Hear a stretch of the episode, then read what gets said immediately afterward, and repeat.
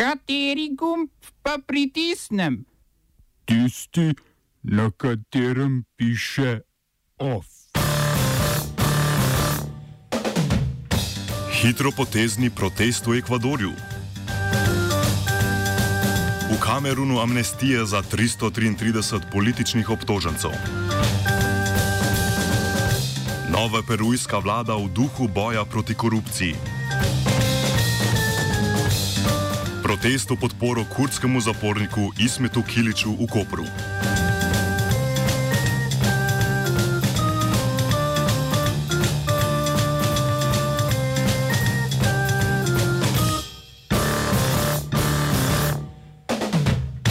Ekvadorci so z blokado cest in ostalimi dejanji civilne nepokorščine poskušali množično protestirati proti paketu fiskalnih reform, ki so včeraj stopile v veljavo. Protestnike je najbolj zmotila ukinitev 40-letja starega zakona, ki je zagotavljal subvencije o prodaji nafte. S prenehanjem subvencioniranja in še nekaterimi drugimi reformami naj bi se državni proračun v prihodnjem letu ukrepil za slabi 2 milijardi evrov.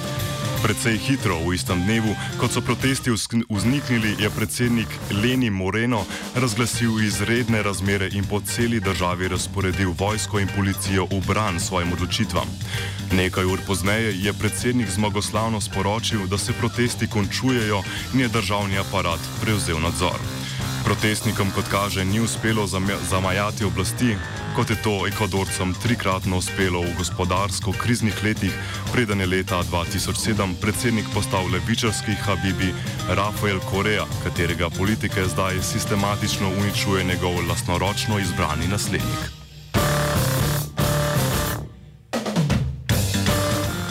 V sosednjem Peruju v dvoboju zakonodaje in izvršilne oblasti, kot vse kaže, prevladuje slednja predsednik Martin Viskara imenoval novo vlado potem, ko opozicijska obtožba neustavnosti predsednikova postopanja na sodišču ni uspela.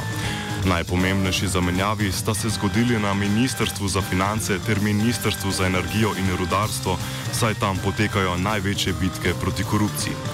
Parlament je sicer v torek poskušal imenovati šest od sedmih ustavnih sodnikov, kar bi omogočilo pomilostitev vodje največje parlamentarne stranke Keiko Fujimori.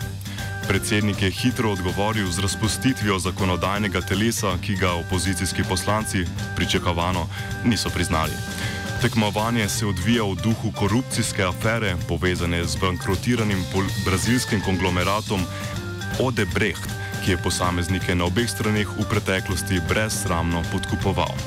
Nova vlada bo poskušala zauzeti položaj borca proti korupciji, kot je to počel Viskara doslej.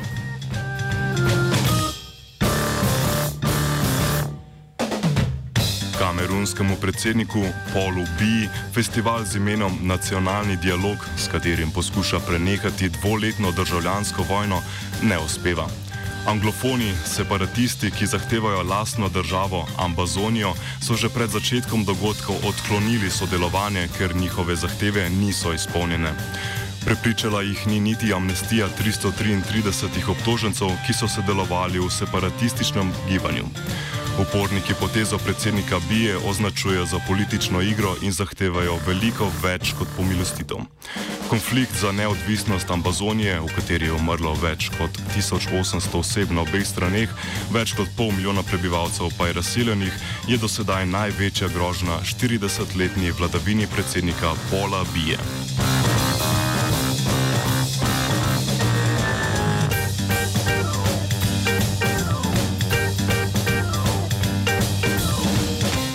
Zagrebu so protest organizirali starši otrok invalidov.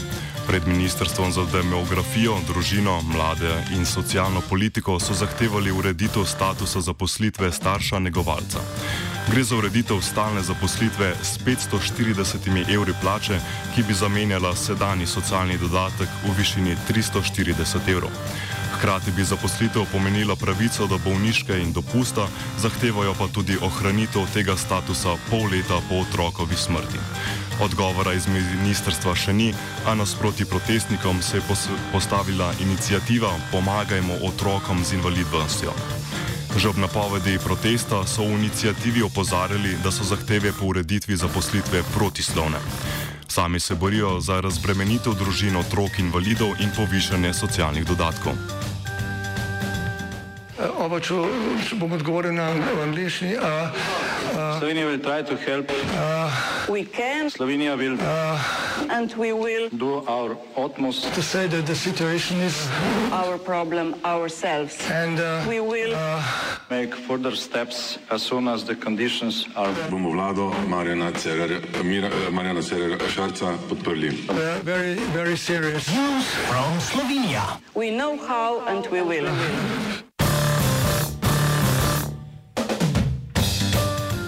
Kot en teden potem, ko smo si Slovenci znova dokazali, da v trenutku euforije premoremo močan dobrodelni čut, nas je pretreslo dejstvo davčnega sistema.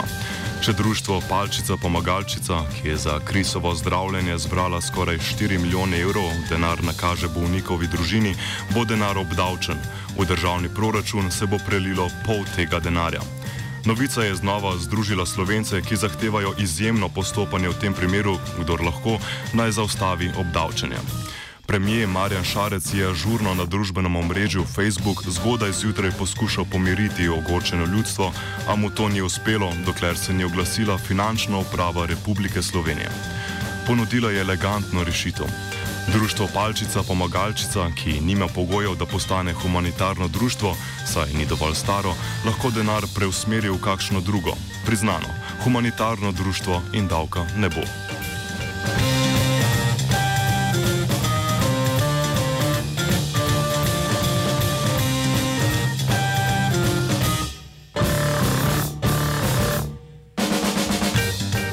Protestom se ta teden nismo izognili niti na domačih tleh. Po protestu v Ljubljani proti županu Zokiju Jankoviču se je skoraj 30 ljudi zbralo pred zaporom v Kopru. Med njimi so bili predstavniki slovenske in evropske levice na čelu z Violeto Tomič, nemškim europoslancem Andrejem Konstantinom Hunkom in Laro Jankovič. Protestirali so v podporo kurdskemu aktivistu Ismetu Kiliču, ki je priprt zaradi turške mednarodne tiralice, ki je bila medtem že omaknjena. Razloge za protest piše Violeta Tomič. Pozdravljeni. Eh, Danes smo imeli protest eh, pred eh, zaporom v. Eh, Zahtevali smo izpustitev Ismeta Kiliča, nemškega državljana, državljana Evropske unije, po poreklu sicer iz Turčije, kjer je bila izdana pred 25 leti tiralica Interpolova za njim in vse od takrat dalje je imel politični azil v Nemčiji. Vmes je dobil tudi državljanstvo Nemčije, tako da je zdaj nemški državljan. Zakaj je bila izdana tiralica? To je nekaj, kar je najbolj uh, neverjetno in absurdno za ta čas, v katerem živimo. Je. Namreč Ismet Kilič je bil aktivist, on je uh, bil sindikalni zaupnik in je za 1. maj delil flajerje. To je bil njegov veliki greh. In je seveda tudi pozival proti vojni uh, in pobijanju kurdov.